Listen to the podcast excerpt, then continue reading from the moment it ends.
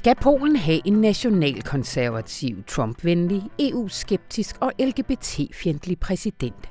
Eller bliver det en liberal, EU-venlig, LGBT-progressiv præsident, der vil kæmpe imod den kontroversielle PiS-regering? Efter en stærk valgdeltagelse i første runde af det polske præsidentvalg, står landet foran en gyser på søndag her den 12 juni. Mathias Irminger Sonne, han har fulgt valgkampen, og ham ringer jeg til. Jeg hedder Anna von Sperling, og det her der er naturligvis radioinformation. Den aller sidste ordinære en af slagsen før sommerferien. Men nu skal I ikke løbe nogen vegne, fordi jeg har fin, fin vikar på. Rune Lykkeberg han overtager mikrofonen og bruger roen til nogle lange, lange samtaler med kloge, kloge mennesker. Ude fra huset, ikke alle de her journalister, der plejer at rende ind og ud af mit studie. Og lidt senere, så kommer han og fortæller om det. Og så har han en optur over, hold lige fast i bordkanten, eller hvad der ellers er stationært, finanskapitalismen. Jeg kom gående ud på gangen og kiggede ind på hans kontor her og sagde, okay Rune, hvad skal vi opture i den her uge? Og så kiggede han helt træt op på mig og sagde, finanskapitalismen, Anna, det er vores eneste redning. Ja, jeg, øh, jeg optager det her, før jeg har optaget det med Rune, så jeg er lige så spændt, som I er. Lyt med lidt senere i programmet. Og aller, aller sidst, der får jeg besøg af Sara Mering. Hun er en kvinde på 23 år, der for et års tid siden kontaktede Rune med en idé. Hun var nemlig bange for fremtiden, og det vil hun gøre noget ved. Og det er vi rigtig glade for. Mød Sara til sidst i programmet og hør, hvad hun gjorde.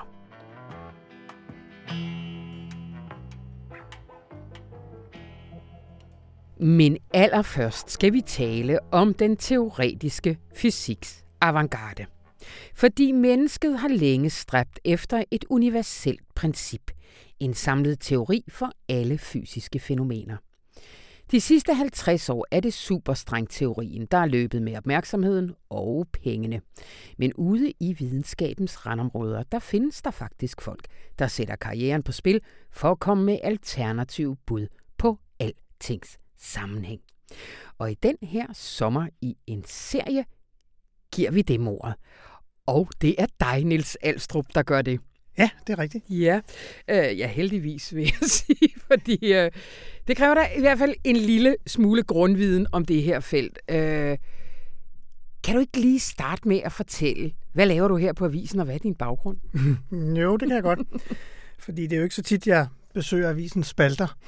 Øh, normalt så sidder jeg og kigger på tal, laver dataanalyse på altså, den trafik, vi har på vores hjemmeside, eller hvordan vores øh, abonnenter øh, opfører sig, mm-hmm. øh, for at blive klogere på, hvad for nogle kampagner vi skal lave, og hvordan vi skal tilrettelægge avisen fremover.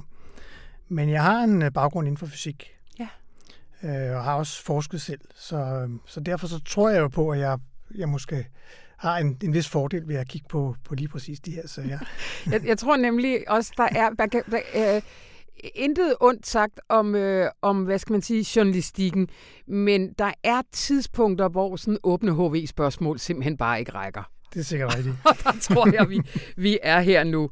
Øh, men, men det er alligevel, hvad jeg vil holde mig til primært. Øh, hvordan, altså nu bliver jeg bare lige lidt nysgerrig, og det tror jeg så derfor også, at lytterne gør. Hvordan kom du fra at forske i fysik, og så til at sidde her og kigge på øh, abonnenters bevægelser? Uh, ja, det er jo en, det er jo en lang historie. Øhm, men det er rigtigt, jeg startede som, som forsker. Øh, og jeg tror, jeg på et tidspunkt blev lidt træt af dels at bruge alt for meget tid på at søge penge, og alt for lidt tid på at forske, og havde måske også lyst til at prøve nogle andre øh, ting i tilværelsen, og sidde i et laboratorium og, ja. og kigge på mål, måleinstrumenter. Så, øh, så, så blev jeg øh, konsulent i ingeniørbranchen og arbejdede på den måde mange år, og blev virkelig meget optaget af, hvordan ny teknologi forandrer vores samfund. Ja. Så jeg i en overgang beskæftiger mig med skoleudvikling, altså på, hvad betyder det, når man indfører ny teknologi i skolerne, og hvordan skal skolerne indrettes for, at, at de børn, der vokser op, de er i stand til at, at bruge teknologi på en fornuftig måde, og ikke bliver overvældet af den, for eksempel. Mm. For. Og så var det jo naturligt, at den næste branche, man kunne kigge på, som, øh, som bliver meget præget af ny teknologi, det er jo mediebranchen. Mm. Så øh, for at gøre en lang historie kort, så endte jeg så her på information. og det er vi glade for. Æh, Ikke mindst lige nu, når vi nu skulle have en sommerserie om den teoretiske fysiks avantgarde. Men hvorfor i himlens navn skal vi også det? ja, det korte svar er, fordi vi kan. Ja. øh, fordi vi havde muligheden for at gøre det. Øh, både, øh, og så fordi, altså, det kan, det kan jo virke som om, at det, det er meget langt væk, altså meget abstrakt, og hvad kommer det egentlig også ved, øh, hvad nogle, nogle forskere går og tænker om, hvordan alting hænger sammen. Men vi kan jo se, når vi kigger tilbage på de øh, landvindinger, der er gjort tidligere, at så, øh, så har det faktisk haft stor praktisk betydning også. Mm. Øh, hvis vi bare kigger på vores telefon, som vi alle sammen har rundt med i lommen, så kunne den ikke lade sig, ikke lade sig gøre, hvis ikke vi både havde øh, kvantiteorien og relativitetsteorien. Fordi man kan ikke putte så meget computerkraft ned i en lille telefon, hvis ikke man ved, hvordan de mindste bestanddele i, i universet fungerer. Mm. Og man kan ikke få en GPS til at fungere, så vi ved, hvor vi er henne, hvis ikke satellitterne tog hensyn til relativitetsteorien, når de bevæger sig rundt. Det er den ene ting. Mm. Og den anden ting, det er jo, jeg tror, altså, sådan har jeg det selv, og sådan tror jeg, at vi alle sammen har det et eller andet sted, vi vil gerne have en forklaring. Vi vil gerne vide, hvordan det her hænger sammen, og hvordan vores plads er i det her univers. Og det tror jeg, vi har, sådan har vi haft det lige siden vi første gang kastede et blik på stjernehimlen og kunne se, at der var nogle mønstre. Øh, og prøvede at finde ud af, hvorfor er der det? Og hvorfor står solen op øh, hver dag og går ned igen? Hvorfor er der de her regelmæssigheder og mønstre i naturen? Og først forklarer man det jo med nogle altså med en form for aktørskab. At der måtte være nogen, der havde en plan bagved, øh, og som havde en hensigt med, at tingene var, som de var. Og senere, da vi blev bedre til at måle og til at, og ligesom at sætte tingene på formel, så kan man sige, så udgrenede naturvidenskaben som en særlig disciplin, hvor man så prøvede at finde de her lovmæssigheder og finde ud af, hvordan hænger de så sammen, og er der en eller anden forklaring nedenunder det, vi umiddelbart kan se. Mm. Øh, så jeg tror, det er sådan en almen menneskelig nysgerrighed. Jeg kom også til at tænke på, da jeg, da jeg læste de første tekster her, at vi beskæftiger os jo en del med her senest omkring corona. Hvad er det egentlig, der driver videnskab og viden? Vi har også haft nogle sager om, hvad ved jeg, øh, landbrugslobbyen, der kiggede for dybt og sådan noget. Det her med så at fokusere på den her videnskab, øh, som er forsøget på at lave en teori om det hele. Krystalliserer der sig vel også, hvis man siger, nogle dynamikker i det overhovedet at skabe viden og sandheder Ja, helt sikkert. Altså, det, det, det, jeg synes, det stiller lidt skarpt på, hvad vil det egentlig sige at vide noget? Ja. Øhm, og hvordan, hvordan kan vi blive klogere? Det, der er jo det særlige ved videnskab, det er, at det er aldrig det endelige svar. Det er altid midlertidigt. Det er altid det bedste, vi kan komme øh, frem med indtil nu. Og i morgen, så finder vi måske ud af, at vi har taget fejl, mm. og så må vi tilbage til tegnbrættet og prøve igen. Øh, men det er det, der, der kan man sige, der adskiller videnskab fra andre øh, overbevisninger ja. hvor man kan sige, at det ved vi, og så behøver vi ikke diskutere det mere. Sådan er det ikke med videnskab. Ja. Der skal vi altid diskutere det. Du skrev, skrev også til mig, da vi skrev lidt om, hvad vi skulle tale om her nu, fordi jeg vil nok sige, at jeg har gjort lidt mere forarbejde, end jeg plejer. Den kan ikke bare tages på charmen, den her. Ikke? Så jeg skrev til dig, hvad, hvad vi kunne tale om. Og så skriver du blandt andet også, at det også siger noget om, at den her hårde, rationelle naturvidenskab, den i virkeligheden også er styret af ting som oppustede egoer og gruppetæmpning. Hvad, hvad, hvad, hvad mener du med det? Jo, altså lige præcis den her serie, hvor vi jo prøver at kigge på nogle af dem, der har gået deres egne veje ja. i, øh, i forskningen, at de bliver jo ofte, når de så kommer med deres, deres bud på, hvordan alting hænger sammen, som er i modsætning til sådan det, der er den almindelige øh, forestilling, så bliver de jo ofte mødt med, med hån eller ligegyldighed eller ligefrem vrede. Det er der nogle af dem, der har beskrevet. Ikke? At folk ja. bliver simpelthen vrede, når de kommer og siger, at måske hænger det anderledes sammen. Så der er fuldstændig de samme mekanismer, som vi finder alle mulige andre steder i samfundet. At øh, det er trygt at høre til en gruppe. Ja. Det er trygt at arbejde med det samme, som alle de andre arbejder med. Så ved man, at man hører til et sted. Ikke? Ja. Og hvis øh, nogen udfordrer det, så, så får de det at vide. Ja. Der er noget andet, jeg, jeg snublede over. Det var, at du taler om æstetiske hensyn. Hvad, hvad har det at gøre med, med fysik? Ja, det, kunne man, det er jo et rigtig godt spørgsmål. Øhm, når man skal lede efter en teori om alting, ja. så, så kan man jo godt have et ønske om, at det må være en meget smuk teori, fordi den skal jo forklare alting. Så det må på en eller anden måde, når vi ligesom har den, så kommer der sådan et forklarelsens lys, som gør, at så hænger alting sammen, så falder alting på plads. Og den strengteori, som er sådan den mest fremherskende lige nu, den har nogle af de kvaliteter. Mm. At, den, øh, at den er meget smuk. Øh, I virkeligheden, hvis man skal sige det meget, meget kort, så går den ud på, at de mindste bestanddele i universet, det er virkelig en bitte, bitte, bitte små strenge, der svinger. Og afhængig af, hvilken mønster de svinger i, så manifesterer de forskellige elementarpartikler. Mm-hmm. Så hele den, det univers, vi har, det er simpelthen sådan nogle små strenge, ligesom et, et gigantisk strygeorkester, der spiller i forskellige tonarter. Og det er jo meget smukt ja. at tænke sig. Og der er jo så nogle af de forskere, som er meget øh, på det hold, der siger, kunne vi ikke slække lidt på nogle af de almindelige kriterier, vi har for, om en teori er god? Fordi nu er den jo så smuk. Øh, så det er en diskussion, man har ja. internationalt videnskabelige. Ah, er det, er det nok at sige, at en, en, en uh, teori er smuk, eller den kan skrives på en, på en smuk måde, at den kan stå på, på siden af en kop? Uh, sådan, så altså, du vendte lige din kop. Ja. Hvad, hvad, hvad, hvad står ja, der det på din kop? Ja, det er, ja, det er sådan en meget fin formel, som, uh, som beskriver det, der hedder standardmodellen, som er en beskrivelse af alle de uh, stofpartikler, uh, vi har i universet. Og der kan man skrive øh, ved hjælp af matematik, så det kan stå på siden af en kaffe. Jeg vil ønske, at I kunne se den, også fordi at jeg tænker lige nu, at det der matematik, der er jo stort set ingen tal, Nej. Og også kun et par bogstaver, jeg lige kan så nogle, identificere. nogle græske bogstaver. Og så er der nogle græske bogstaver. Ja. Nå, godt. Øhm, jeg skal lige forberede lytterne på, det vi gør den her gang, fordi det også er tunge sager, det er, at øh, Nils han bliver onkel anekdote, der kommer ind et par gange i løbet af udsendelsen og tager en efter en nogle af de her øh, avantgardister, der gør op med den her strengteori. Men før vi lige når så langt, Niels, jeg vil gerne lige høre kort, hvad, hvad, hvordan etableredes den her, den her streng, superstrengsteori? Altså, ja, man kan jo gå langt tilbage, men det, er, det har jo hele tiden været en, en, øh, et forsøg på at, at forene de øh, naturkræfter, som vi kendte til. Og man kan, man kan for eksempel starte med Newton, som jo viste, at det, at et æble falder ned fra et træ og rammer jorden, det er det samme princip, der får månen til at bevæge sig rundt om jorden. Det er simpelthen den samme kraft, det samme princip, der gør, at de to ting sker, selvom det ser meget helt forskelligt ud. Mm. Øh, og det er så det, vi kalder tyngdekraften i dag. Øh, senere så kom så vores egen Ørsted, som viste, at elektricitet og magnetisme også er to sider af samme sag. At der var en sammenhæng mellem de to. Og han var meget præget af de øh, tyske romantikere, som mente, at alting var naturkræfter. Mm. Og det alt sammen var en manifestation af en guddommelig kraft, som så bare ligesom viste sig på forskellige måder. Og det var det, der fik ham til at sige, at ja, der må være en sammenhæng mellem magnetisme og elektricitet, og så lavede han det her forsøg. Mm.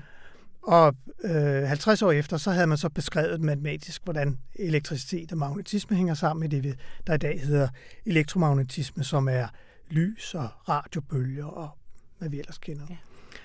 Og 50 år efter det, der havde vi så de to store teorier, som har præget hele det 20. århundrede, nemlig Einsteins relativitetsteori, som beskriver øh, det store, altså hvordan kosmos hænger sammen. Øh, hvordan det, vi forstår som tyngdekraft i virkeligheden, er selve rummet, der krummer sig omkring øh, tunge ting. Det vil sige, hvis man nu forestiller sig sådan en havetrampolin, og man lægger en bowlingkugle øh, ovenpå, så vil den jo bøje øh, havetrampolinen ned, så der kommer sådan en fordybning, og der kunne man så forestille sig en anden lille kugle, der løb rundt i kanten af den der fordybning, ligesom at månen bevæger sig rundt om jorden. Mm. Øh, så det var den ene teori af relativitetsteorien. Og den anden teori, det er så kvanteteorien, som jo blandt andet øh, vores egen Niels Bohr var, var en af hovedmændene bag, som beskriver, hvordan alt øh, stof øh, vekselvirker med hinanden. Så op gennem det 20. århundrede har man haft de her to teorier. Og det har jo været vældig godt. De har, de har jo gjort, hele vores moderne teknologi, den har, den har kunnet øh, vokse frem. Problemet er bare, at de to teorier passer ikke sammen. Øh, det betyder ikke så meget i dagligdagen, fordi der kan man enten bruge den ene teori eller den anden teori, afhængig af, hvor man er henne. Men der er jo visse steder i universet, hvor man er nødt til at have begge teorier til rådighed. For eksempel i, inde i sorte huller, hvor man jo har presset masse utroligt tæt sammen der skal man bruge begge teorier for, for at forklare det. Og det virker ikke. Man kan ikke få det til at passe sammen. Hvis man skal gå tilbage i tiden og forklare, hvordan universet er startet, så er man også nødt til at bruge begge teorier. Og det kan man heller ikke få til at passe. Mm-hmm. Så der har været den her utilfredshed med, at vi havde to gode teorier, men de passer ikke sammen. Mm. Og strengteorien er så et forsøg på at finde en teori nedenunder relativitetsteorien og kvantiteorien, som ligesom kan forklare begge teorierne, eller hvor de begge to kan komme ud fra. Ja. Og den er startet en gang i... Øh, ja, den blev først rigtig formuleret en gang i 70'erne. Har den en fader eller en moder måske lige Nej, altså virkelig går det meget tilbage til noget, noget meget sådan abstrakt matematik øh, i, i, øh, efter 2. verdenskrig. Blandt andet Werner Heisenberg, som var en af, grundlæggerne af kvanteteorien, og et par andre. Men der er ikke sådan ligesom en, der har været, der har været faderen øh, til den. Der har været mange, der har arbejdet på den. Ikke? Men det tog rigtig fart der i 70'erne, øh, og så har der været sådan flere generationer af udgaver af strengteorien, så vi i dag har en teori, hvor det ikke så meget er små strenge, men mere sådan nogle membraner, mm-hmm. som skal svinge i op til 10 dimensioner. Øh, noget, som er helt vanskeligt at forestille sig, og det er jo ikke nogen dimensioner, vi kan se, så, så hvordan man overhovedet skal forestille sig, at, at vi kan verificere, at det, er, at det er en teori, der holder, det, det er svært at sige. Der gik også noget af skønheden af den der, synes jeg lige. Jo, det Eller nu man... blev det bare weird. Nu bliver det lidt mere weird, ikke? Det er rigtigt. Det er rigtigt. øh, Nils, vi vender tilbage til dig med nogle af dem, der gør op med den her strengteori.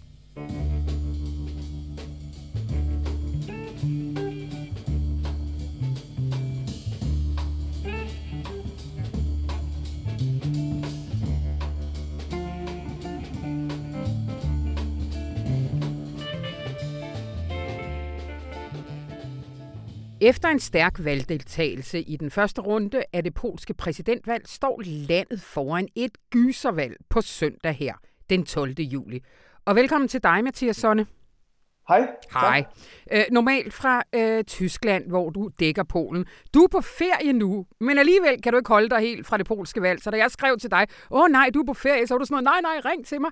Altså, hvad, hvad er det, der er så spændende og så vigtigt ved det her valg? Det er der rigtig mange ting, der er.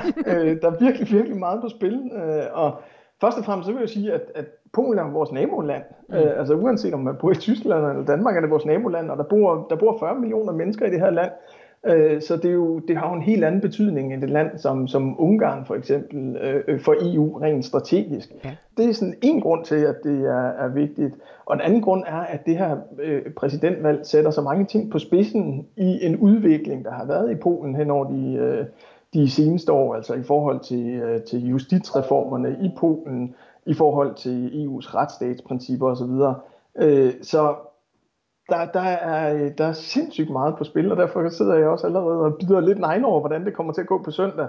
Men vi får desværre nok først øh, den, den store øh, forløsning øh, en gang i, i næste uge, når, øh, når der foreligger en, en pålidelig optælling, og hvor vi, vi finder ud af, øh, ja, ja, hvordan det går.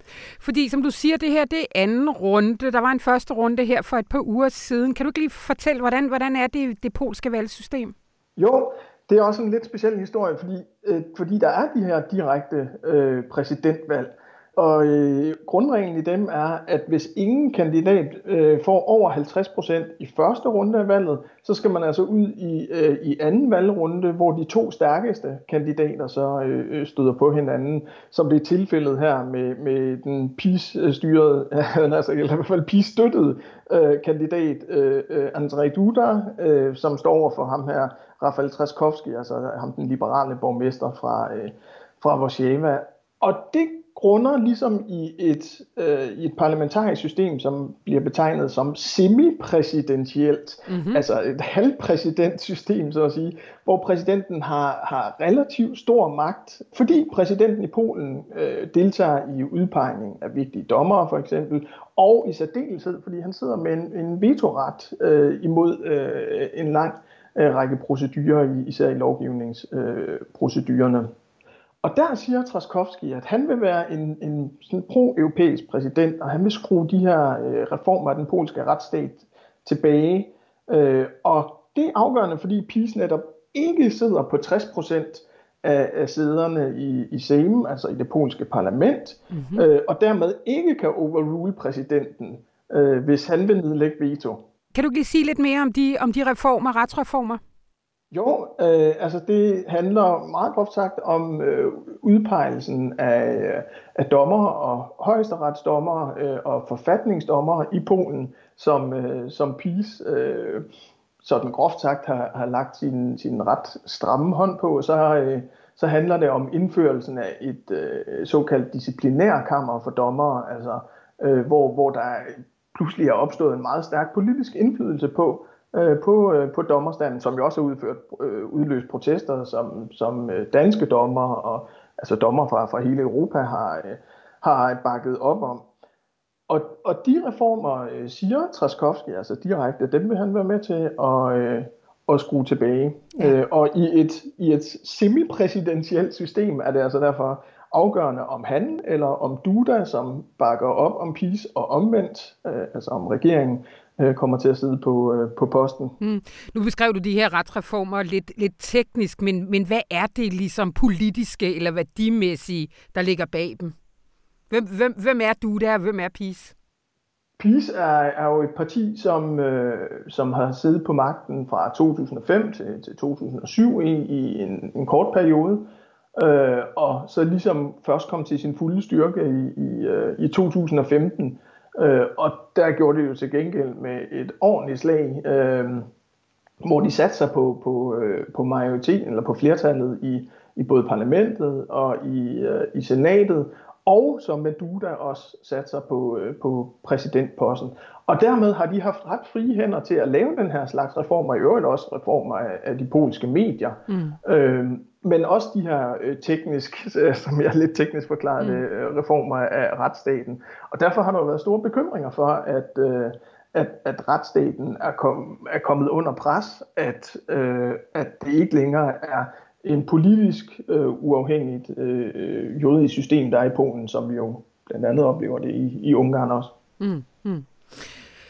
Og du der, sig lidt mere om ham. Hvad, hvad, hvad er han for en kandidat? Han er den siddende præsident nu. Det, som, som mange peger på, det er, at der bliver jo først parlamentsvalg i øh, 2023. Så hvis han vinder nu, så har han simpelthen tre år, ham og PiS regering, til at gennemføre deres politiske projekt. Men hvad er hans politiske projekt?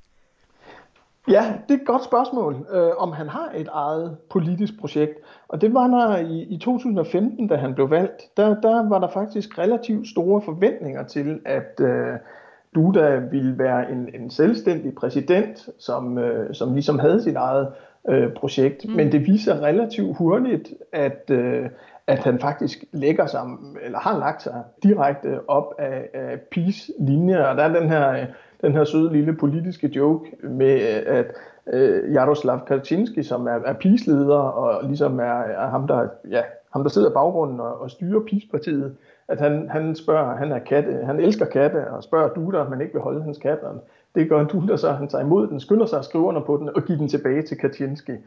Øhm, og det er sådan et billede på, at, at, øh, at han, simpelthen øh, er, er håndlanger, så at sige, for den her PiS-regering, og ikke har sine egne øh, selvstændige projekter. Ja.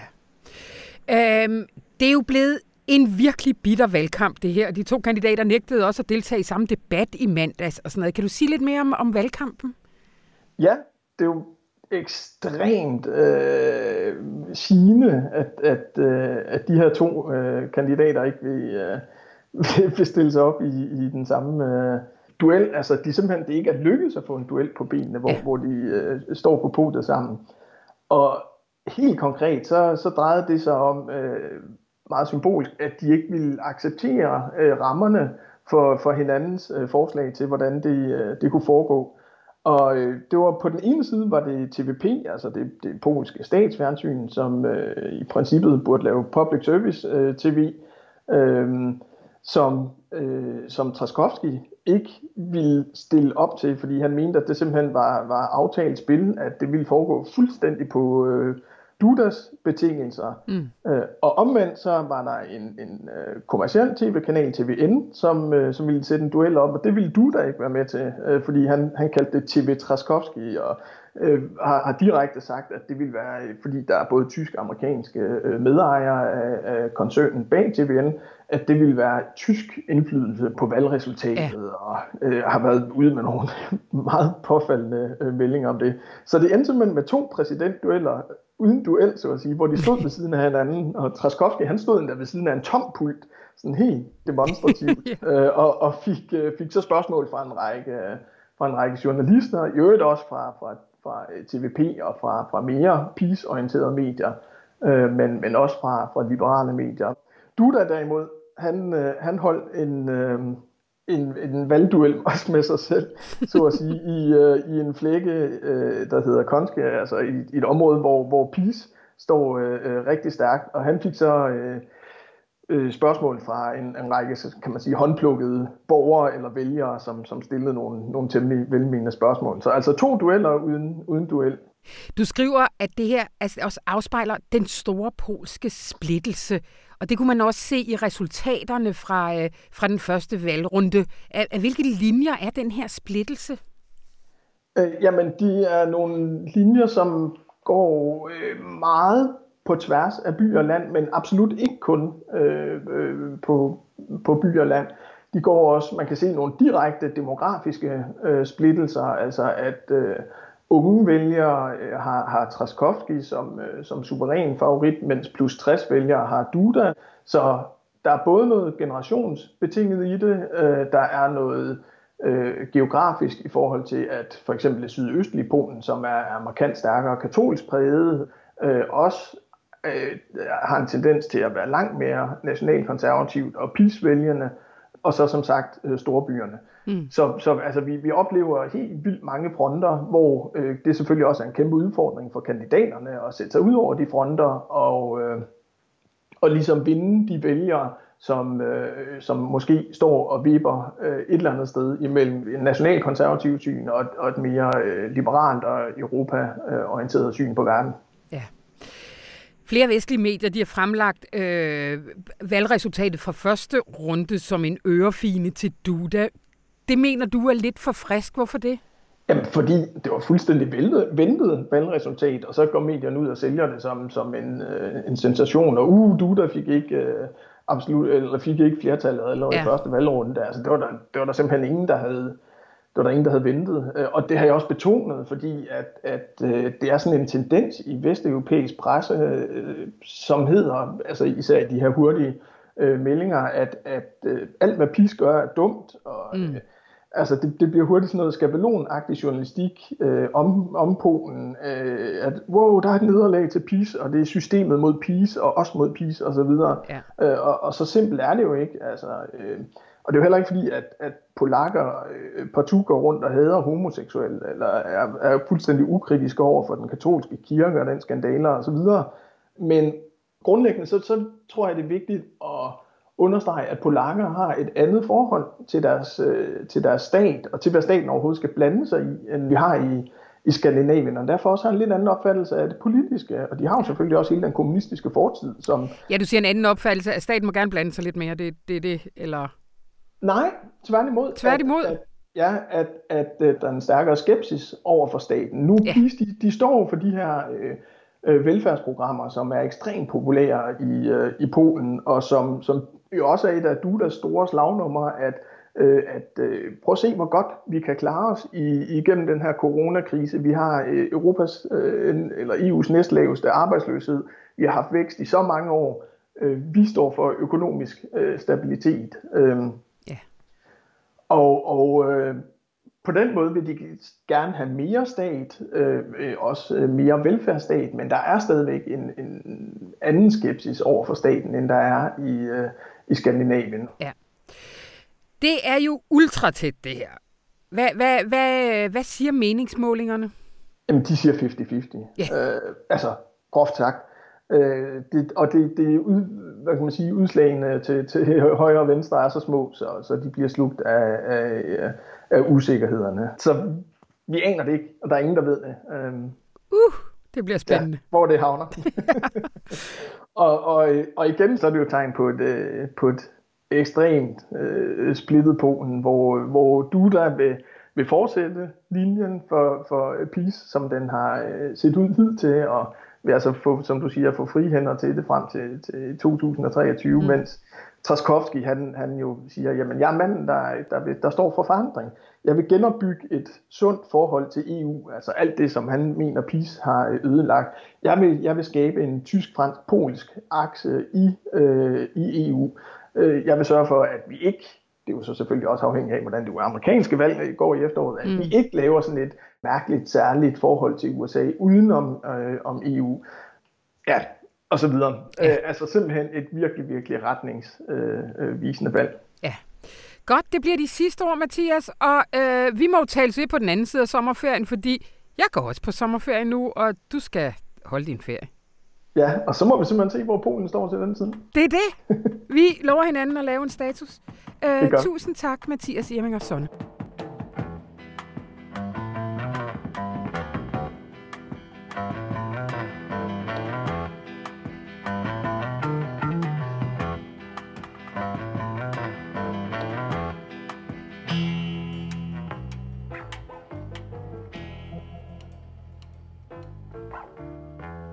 så er vi tilbage ved dig, Niels. Øh, du har øh, fem øh, alternativer til strengteorien, der kommer i avisen, men vi har kun tid til to her. Vil du ikke tage den første nu? Jo, men så må, lad mig vælge, øh, så lad mig vælge en af kvinderne på listen. Ja. Yeah. Øh, hun hedder Fotini Makubulo. Mm-hmm. Øh, og hun er oprindeligt fra Grækenland. Og da hun var 17 år, der gik hun ind ad den forkerte dør, og så blev hun fysiker. Sådan forklarer hun det i hvert fald selv, at hun øh, efter, efter skolen, øh, der havde hun jo drømme om at være alt muligt, astronaut og jeg ved ikke hvad. Øh, men hendes, øh, hendes øh, undervisning i det græske skolesystem havde vist været lidt mangelfuld, så hun havde brug for noget, noget aftenskolekursus for ligesom at gøre sig klar til at for eksempel at komme på universitetet. Så hun var taget ind til Athen øh, til sådan et, et aftenskolekursus, og så kunne hun ikke finde rundt i bygningen, og så gik hun ind ad den forkerte dør, og så havnede hun et sted, hvor de, øh, hvor de havde sådan en forberedelseskursus for dem, der skulle begynde på øh, øh, universitetet i England. Og der blev hun.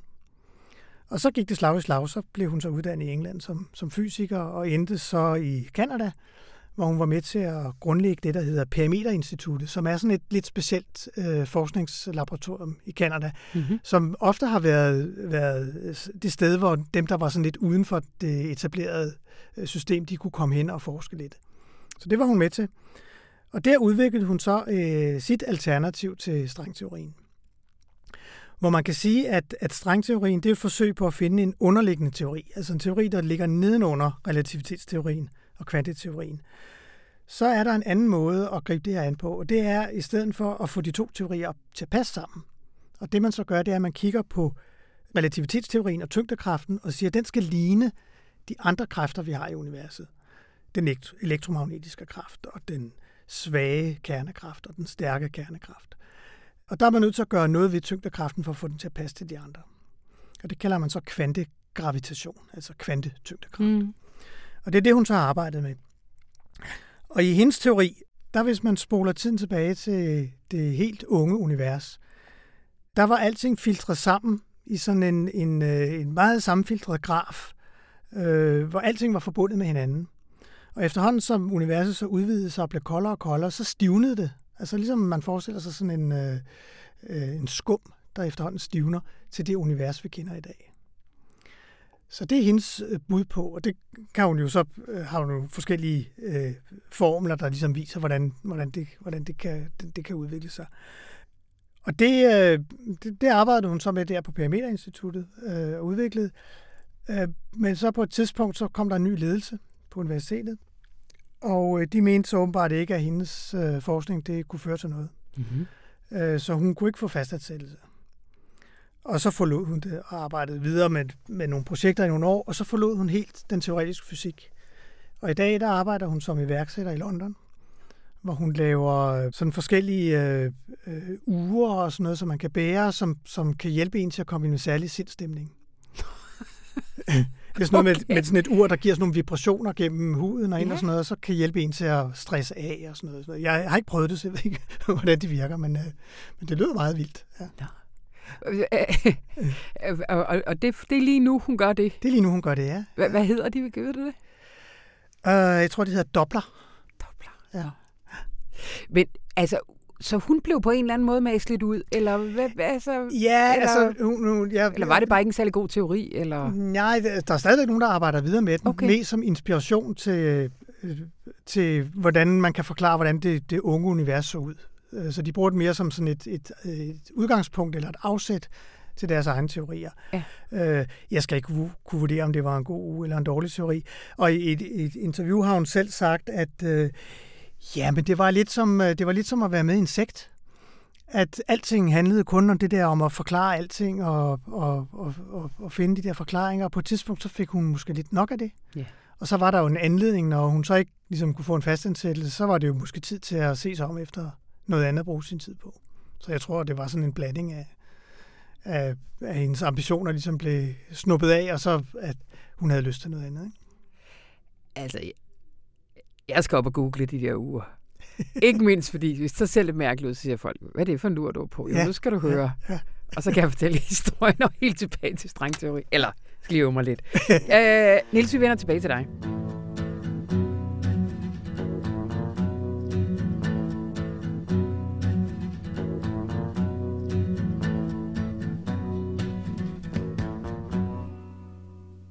Hej Rune. Hej Anna.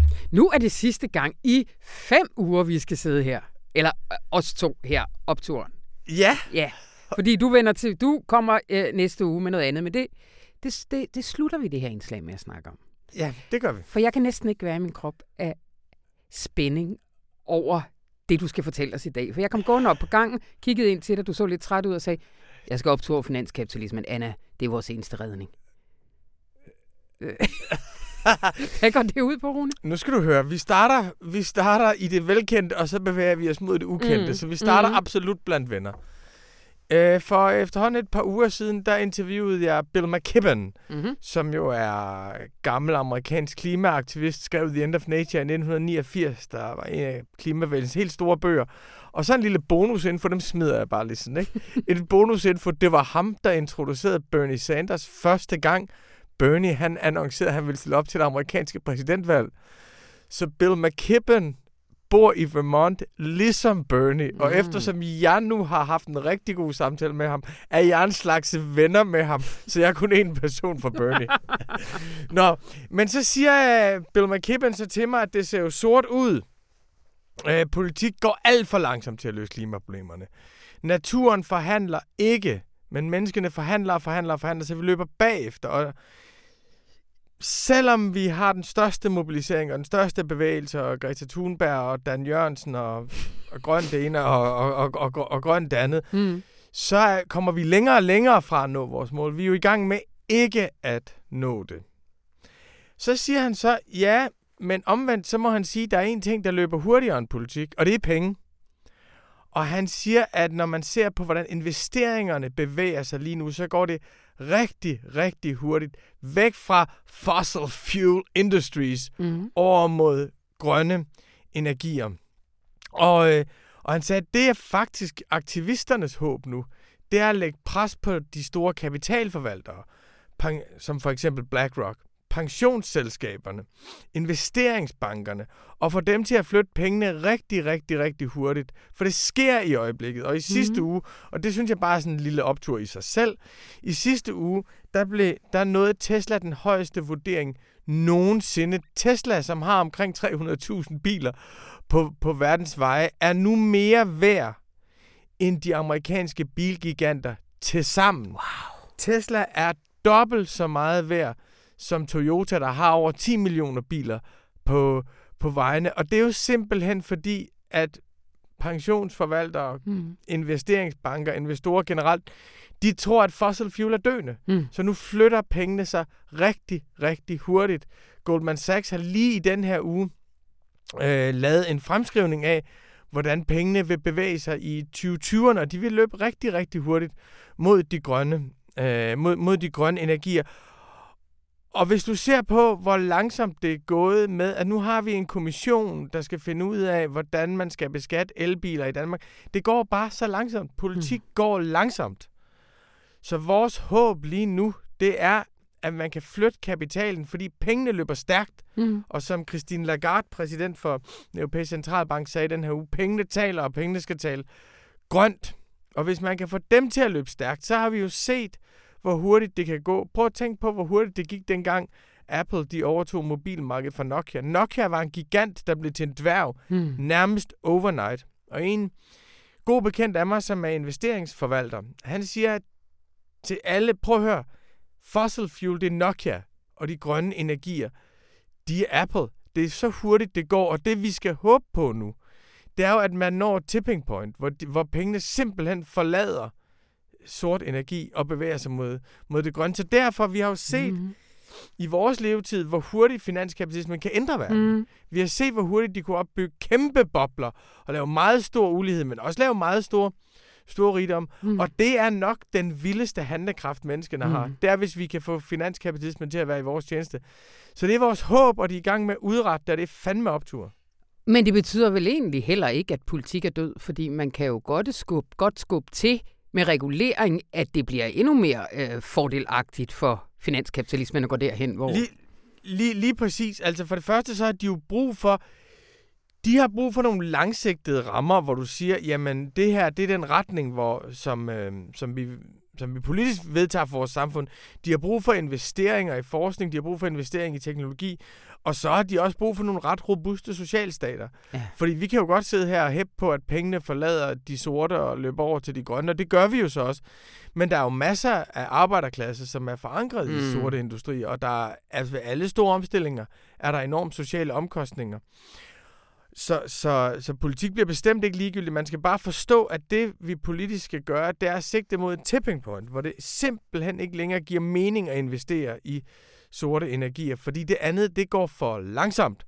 Og så må man jo håbe på, det har jeg et håb om, det er lidt diskussion om, at centralbankerne, de vil begynde at stille højere solvenskrav til investeringer i olie for eksempel. Det vil mm. sige, at du skal have meget mere kapital på kistebunden, hvis du vil investere i det, fordi det er en risikabel investering. Så snart du gør det, så gør det, at du er meget dyrt at investere den vej. Der er en lille smule, der er nogen, der synes, man skal gå frivillighedens vej, øh, men, men sagen er jo, at det går så stærkt med klimaforandringerne. Det går så stærkt, til vi skal gøre alt, hvad vi kan for at spænde den anden vej. Og jeg vil også sige, at grunden til BlackRock, verdens største pensionsforvalter, verdens største investeringsfond, tidligere på året kom ud og sagde, nu skal vi være grønne. Der henviste de til aktivister. Altså det er på grund, det er aktivisterne, der har gjort dem opmærksom på det. Christine Lagarde i den her uge fra ECB siger også, det er aktivister. Så det er jo også noget med, at aktivisterne skal forstå, hvilken kolossal magt de har til at få de rigtig, rigtig hurtige ben til at løbe for os. Optur! Optur! Rune, øh, lige om lidt får du mikrofonen. De næste fire uger, der har du samtaler. Øh, radioinformation special, plejer vi at kalde den. Ja, det er det, vi øh, plejer at kalde det. vi kan måske det udvikle til næste år. Nej. Men øh, hvad, hvad, hvad kan vi vente? Jamen, det bliver jo ikke lige så godt som med dig, Anna. Nej, det er der ingen tvivl om. Det ved alle godt, så vi tager tabet med det samme. Men så gør vi noget andet, og det er jo det, vi gør hver sommer, og det er jo en tradition. Og det er, at så tager vi de lange samtaler, mm. så inviterer nogen ind, som, kan, som er klogere end mig. Og som heller ikke er på payroll. Præcis.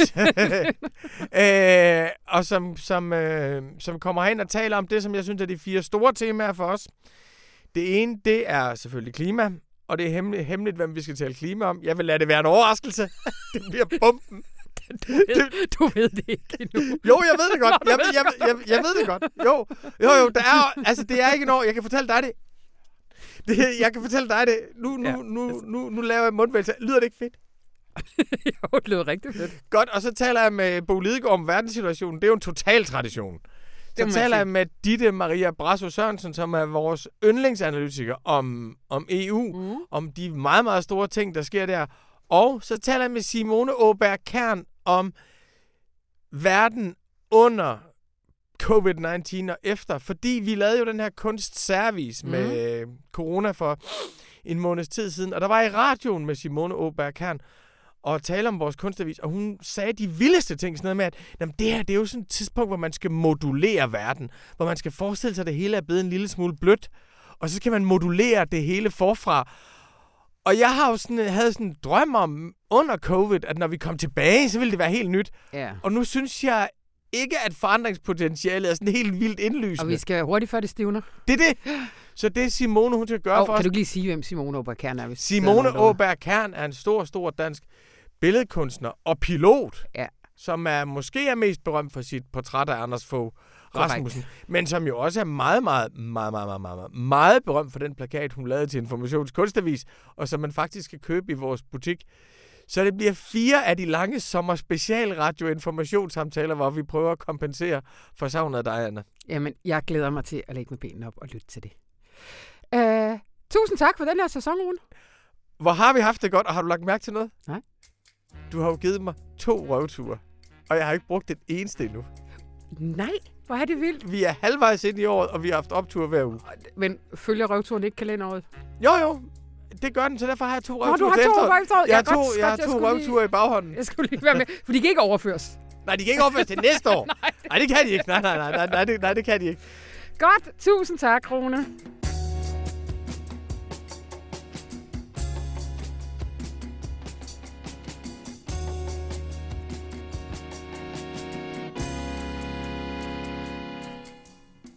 Og velkommen tilbage, Niels. Du får lov til lige at tage en avantgardist mere. Ja, men så skal vi jo have den eneste dansker på listen. Ja. Han hedder Jesper Møller Grimstrup.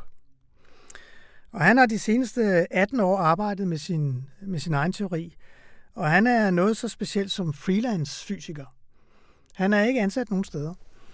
Øh, og faktisk så gjorde han det meget usædvanligt i 2016, at han øh, crowdfundede sin forskning. Mm-hmm. Han oprettede simpelthen øh, øh, en side på det crowdfunding-site, der hedder Indiegogo, hvor han beskrev, hvad det var, han arbejdede med, og så kunne man så støtte ham, øh, så han kunne få finansieret sit arbejde på den måde.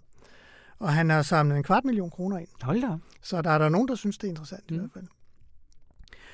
Øh, hans øh, tilgang til det her, den er meget... Øh, den, den er ret speciel. Den, han, det han siger, det er, at hvis man skal finde en teori, som skal være helt grundlæggende, så skal den være så tom som overhovedet muligt. Altså den må indeholde så lidt som muligt. Fordi hvis den har en masse struktur og en masse detaljer, så vil man straks sige, at så må der være en, en endnu simplere teori nedenunder den. Mm. Så man skal starte med det mindst mulige udgangspunkt. Og det mindst mulige udgangspunkt, han kunne finde på, det er det at flytte ting i et rum. Fra et sted til det andet. Okay. Øh, det er sådan noget, man arbejder med inden for den, den disciplin, der hedder differentialgeometrien i matematikken. Altså hvor man har nogle, nogle øh, ligninger, der beskriver, når vi flytter øh, et objekt, det er ligegyldigt, hvad det er for et objekt, men vi flytter det fra punkt A til punkt B. Hvor mange gange kan vi gøre det, og under hvilke veje skal vi gøre det? Det kan man så beskrive og folde Mhm. ud. Mm-hmm. Øh, og det kalder man en holonomi. Så hans teori hedder en kvanteholonomi. Mm-hmm. Øh, og hvis man skal, jeg prøvede at se, om jeg kunne finde et eller andet billede på, hvad vil det sige, sådan en holonomi. Og det bedste, jeg kunne komme på, det var, hvis man nu skal parkere en trailer på en tom parkeringsplads. Så lad os forestille os, at den står i det ene hjørne, og den peger i en bestemt retning. Mm-hmm. Øh, og nu skal vi have den over i et andet hjørne, og den skal pege i en anden retning. Fordi en trailer jo er sådan lidt stiv, og man har fat i, i den her trækstang, Ja. så, så vil der jo være nogle bestemte veje, man er nødt til at køre for at nå fra punkt A til punkt B. Og, og beskrivelsen af startpunktet og slutpunktet, og de veje, man skal bevæge trækstangen for nå hen til, til slutpunktet, det kalder man holonomi. Okay. Det han så gør, det er, det er jo ikke bare en, en, en flad øh, parkeringsplads og en trailer. Det her det er et punkt, der skal flyttes i mange dimensioner, og derfor så bliver det noget sværere at forestille sig. Men på den måde, så kan han så beskrive universet, og det vi kan se i universet ved hjælp af sådan nogle flytninger i rummet. Og det er det, han har arbejdet på i 18 år, at få alle de ting, som vi kender, alle de elementarpartikler, alle de kræfter, vi kender i universet, til at opstå ved at lave sådan nogle flytninger. Og, og hvad kan man så bruge det til? Ja, det er jo en måde at få, kan man sige, at få samlet øh, alle de kræfter, vi har i universet. For eksempel tyngdekraften og de andre kræfter, som jo ikke passer sammen. Men med en samlet teori, som beskriver begge dele. Ja. Efter det samme princip. Ah. Øh, så det, det, det er det, der er hans, hans øh, program, kan man sige, Ja. at gøre det. Hvordan er, hvordan er det blevet modtaget af den sådan etablerede forskningsverden? Med meget skepsis. Ja. Øh, nogle af, af, af de andre alternativister, som selv arbejder med alternativer, de, de synes jo, det er spændende. Mm. Altså, de er jo meget åbne over for, at man arbejder på en anden måde end, end det etablerede sam, samfund. Men, men øh, mange af dem, der arbejder med strengteori, eller som ligesom er etableret inden for feltet, også inden for det matematiske felt, som han, han, han bruger som udgangspunkt, de, øh, de er ikke specielt øh, imponeret af hans arbejde. Og han har jo altså heller ikke kunne få fastansættelse mm. nogen steder. Og han har, skriver han, han har i den her crowdfunding-kampagne, der kunne man, hvis man støttede ham, så kunne man øh, få en bog, han havde skrevet øh, om, sin, øh, om sin forskning. Og det var faktisk den, der ligesom satte mig i gang med overhovedet at, at skrive den her artikelserie. Ja. Øh, og der skriver han et sted, at han, han jo overvejede på et tidspunkt, om han ikke bare skulle tage et lærerjob, og så lave det her ved siden af som en hobby. Og der bestemte han sig for, at hvis det her skulle blive til noget, så var han nødt til at gå fuldt ind for det. Mm. Og så måtte han jo finde en måde at finansiere det på. Ja. Og det gør han så stadigvæk. Hold da. Ja. Øh, nu skriver du, at den her strengteori, den sådan har været den etableret i de sidste 50 år. Hvordan tror du, det her felt ser ud om 50 år? Ja, jeg tror, der sker et af to ting. Altså enten så lykkes det faktisk at øh, finde noget i strengteorien, som man faktisk kan lave et forsøg på. Altså hvor man kan måle noget, der kan, øh, der kan vise, at strengteori er et bedre øh, bud end de andre teorier. Så arbejder man videre med det. Eller også så, så når man ikke det punkt, og så tror jeg, at der er nogle af de andre teorier, der efterhånden overtager. Men øh, jeg har ikke noget bud på, hvor vi ender henne, og om det overhovedet kan lade sig gøre. Der er ja. også nogen, der siger, at det er, det er, spild, det er spild af kræfter at finde en endelig teori. Ja. Altså, vi kan lige så godt slå os til tål med det, vi allerede ved. Godt. Altså, jeg vil bare lige, lige før vi slutter her nu, Niels, så, så øh, vil jeg anbefale alle at læse dem, fordi at det er faktisk skide spændende. Og så er det faktisk også lidt morsomt. I hvert fald, så kom jeg virkelig til at grine af den her. H.C. Ørsted fandt ideen om atomer direkte fra stødende. Hvad, hvorfor? Hvorfor gjorde han det? Det gjorde han jo, fordi han jo, som, som jeg nævnte før, var, var præget af de tyske uh, naturromantikere, ja som var sådan meget ikke-materialistiske. Altså alting var kræfter og vekselvirkninger. Øh, så sådan noget med at forestille sig, at, øh, at verden i virkeligheden var, var skabt af sådan nogle små, øh, hårde atomer. Ja, det var en meget, meget ubehagelig tanke. Og det kunne han slet ikke have.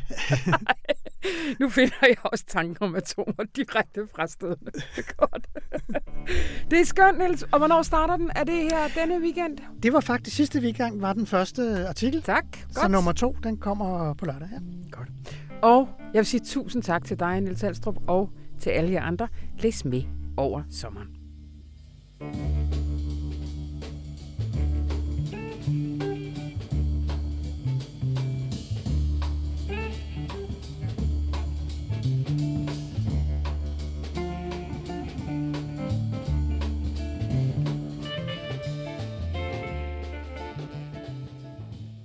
Og det var så, hvad vi havde valgt fra denne uges aviser. Men information er jo møj, møj mere end en avis. Og vi har jo et stadig lille, men dog voksende podcast-univers også. Og i den her uge, der støder der en ny til, nemlig podcast-serien Sara slutter fred med fremtiden.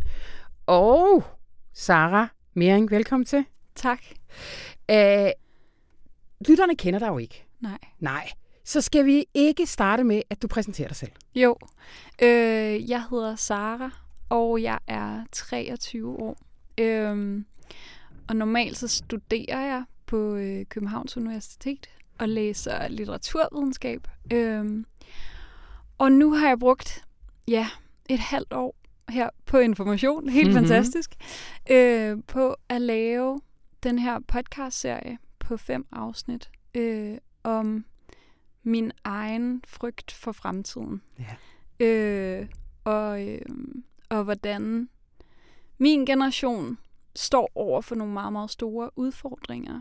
Og også, tror jeg, gerne vil skabe noget forandring øh, og gøre noget ved de udfordringer. Mm. Mm. Øh, men det hele kan virke meget stort og blandet sammen. Så jeg vil gerne prøve at lave noget, der tog fat i, i den her frygt øh, og de her udfordringer. Øh, og ligesom måske skilte dem lidt ad og fandt ud af, hvad det egentlig er, min fremtid kan komme til at være for noget, og hvordan man kan ændre den til det bedre, eller i hvert fald, ja, slutte fred med det, det så bliver. Mm. I introen, der taler du lidt om det her med, hvad angst er, og hvilke veje man kan gå, når man føler det. Kan du ikke sige lidt mere om det? Jo, øh, Ja, altså, jeg taler om, at jeg kom til at tænke på det der med at være bange, som den samme, altså den, den følelse for fremtiden, som jeg har, når jeg er bange for fremtiden, at den måske lidt er det samme som den, man havde, når man var lille, øh, når man var bange. Øh, og man måske kunne takle den her meget store øh, samfundsmæssige frygt på samme måde, af at øh, når man lå der øh, i sengen, jeg havde sådan en dør, for eksempel hjemme hos min far på værelset, som knagede. Mm. som jeg synes var virkelig uhyggelig. Øh, og, og for mig handlede det jo egentlig om at høre den der lyd af noget, der knager, som er det, der er det skræmmende, og ikke vide helt, hvad det var. Altså, kunne det være noget andet end døren? Kunne der være nogen ved døren? Eller mm. sådan noget, ikke? Og så finder man ud af, hvad det er. Er det bare døren? Eller mm. er der et monster? Mm. Og så kan man enten så gøre noget ved det monster, ikke? Eller, eller man kan se det døren, og så sove. Ja. Ja. ja. Det her med angst for fremtiden, altså oplever du det som noget, der, der er bare dig, eller er det ligesom et træk ved, ved din generation? Hvordan, øh... Øh, og jeg synes, det er... Øh, jeg har ikke lyst til at tale på vegne Ej. af min generation, men jeg har snakket med rigtig mange af mine venner. Det kom ligesom af, at jeg talte meget med mine venner mm. om fremtiden. Øh, og jeg havde en følelse af, at der måske, øh, og nu er det jo sikkert også fordi, jeg læser litteraturvidenskab, så jeg læser jo enormt meget, der er gammelt, og som handler om fortællinger om fortiden og de måder, vi har haft det på i fortiden. Ikke? Og, øh, og der kunne jeg bare mærke, der var enormt meget, der handlede om at bearbejde noget, der havde været. Ja. Og øh, arbejde med nogle ja, nogle vildt svære kriser, svære krige, øh, traumer, alt det her. Og så de snakke, jeg har med mine venner, de handlede bare meget lidt om det, og meget om fremtiden. Ja. Meget om øh, ligesom ting, der lå forud, og ting, som vi virkelig så som problemer. Øh, og, og jo så var, altså snakket om, om ja, om den frygt, jeg så føler, jeg selv havde, men, men som jeg jo også kunne mærke, at de andre delte, i mm. hvert fald af mine venner, mm. øh, ja, når vi har mm. snakket om det. Hvad, hvad gjorde du så? Hvordan har du, hvordan har du grebet det her projekt an? Skal, fordi det skal lige siges, at det ikke kun er en podcast, det er også en række artikler ja. over sommeren. Ja, det er det. Jeg greb det an på den måde, at jeg, øh, jeg startede med at Altså, jeg startede sådan set med at have et, ryd, et møde med Rune Lykkeberg. Mm-hmm. Jeg startede med at skrive en mail. og så øh, fik jeg et møde med ham, og så snakkede vi om, hvis jeg skulle dele den her øh, frygt op i fem store udfordringer, hvad skulle det så være?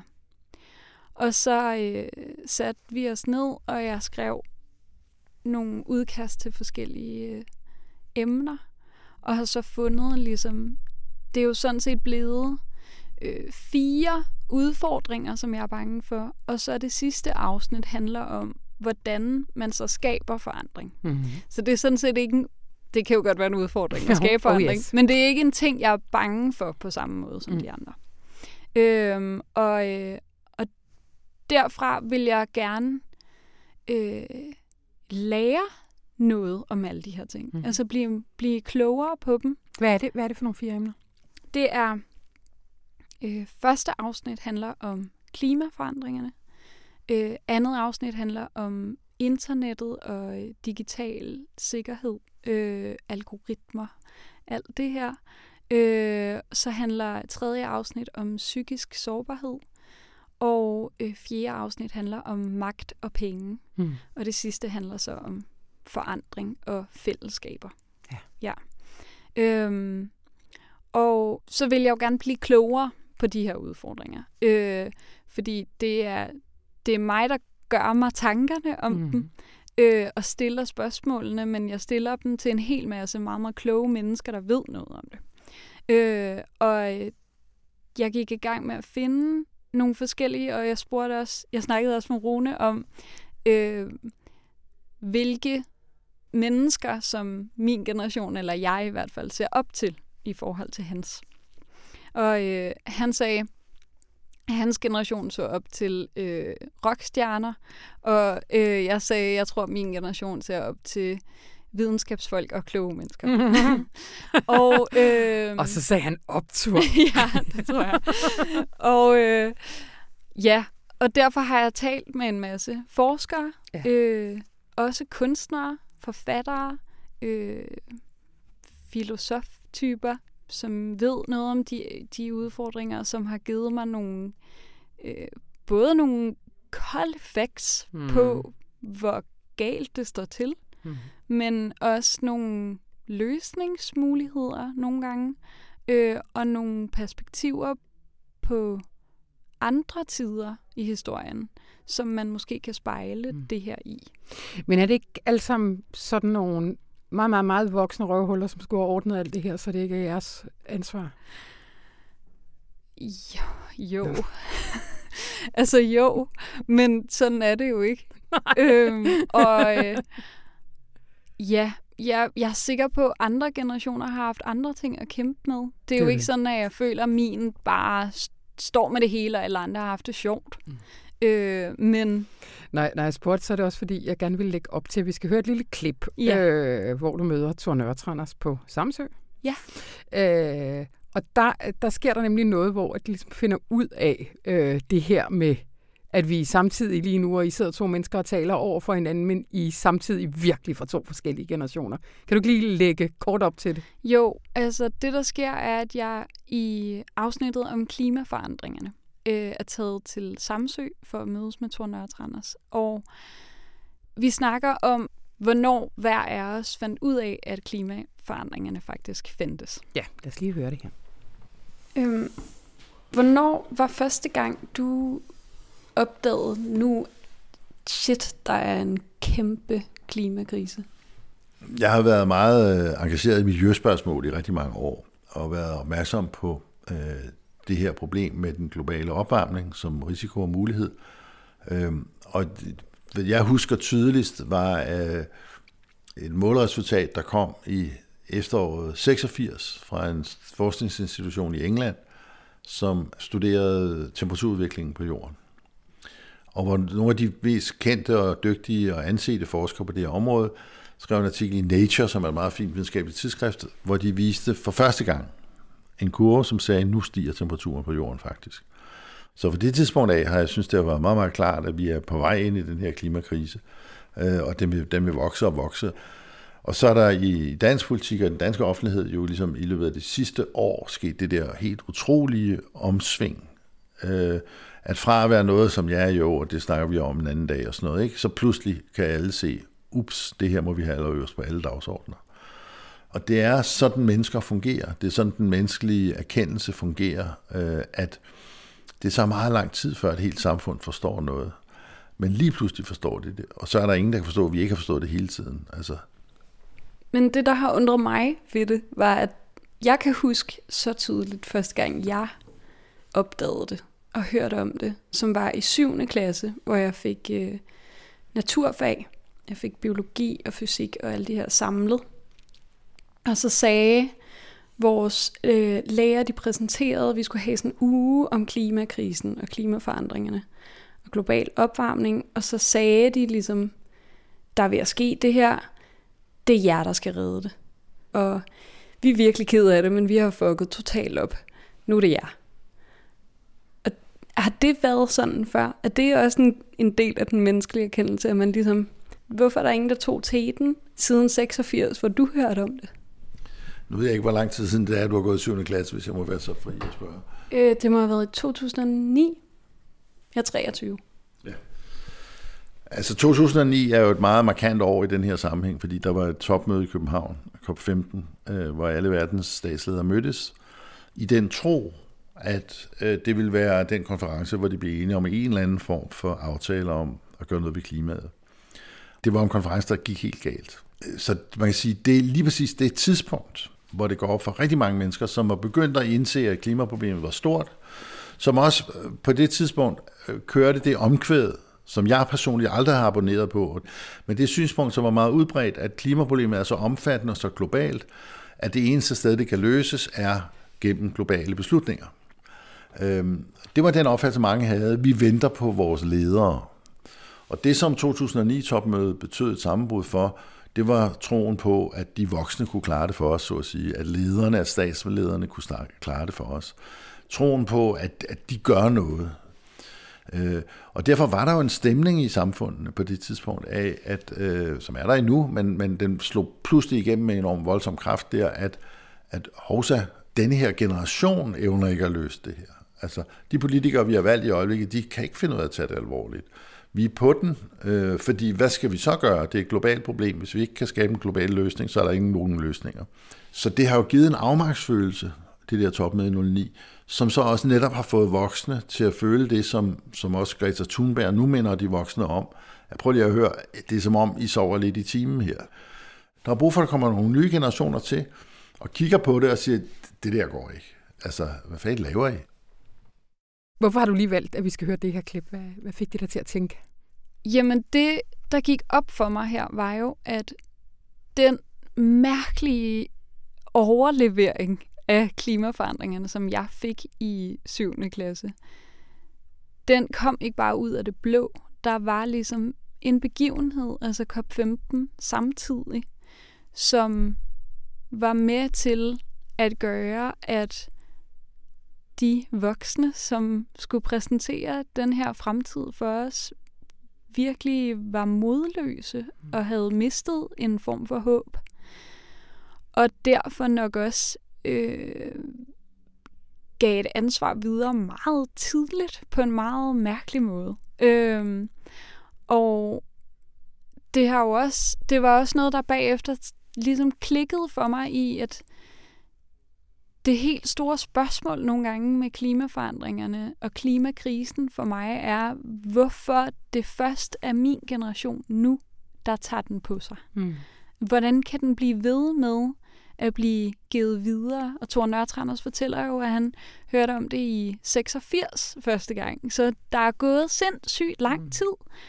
Mm. Øhm, og der klikker det bare lidt af, at der, der er jo også sket noget for jer, mm. som har gjort, at der simpelthen ikke er noget håb. Og det er jo noget, der bliver nødt til at være, hvis man skal gøre noget.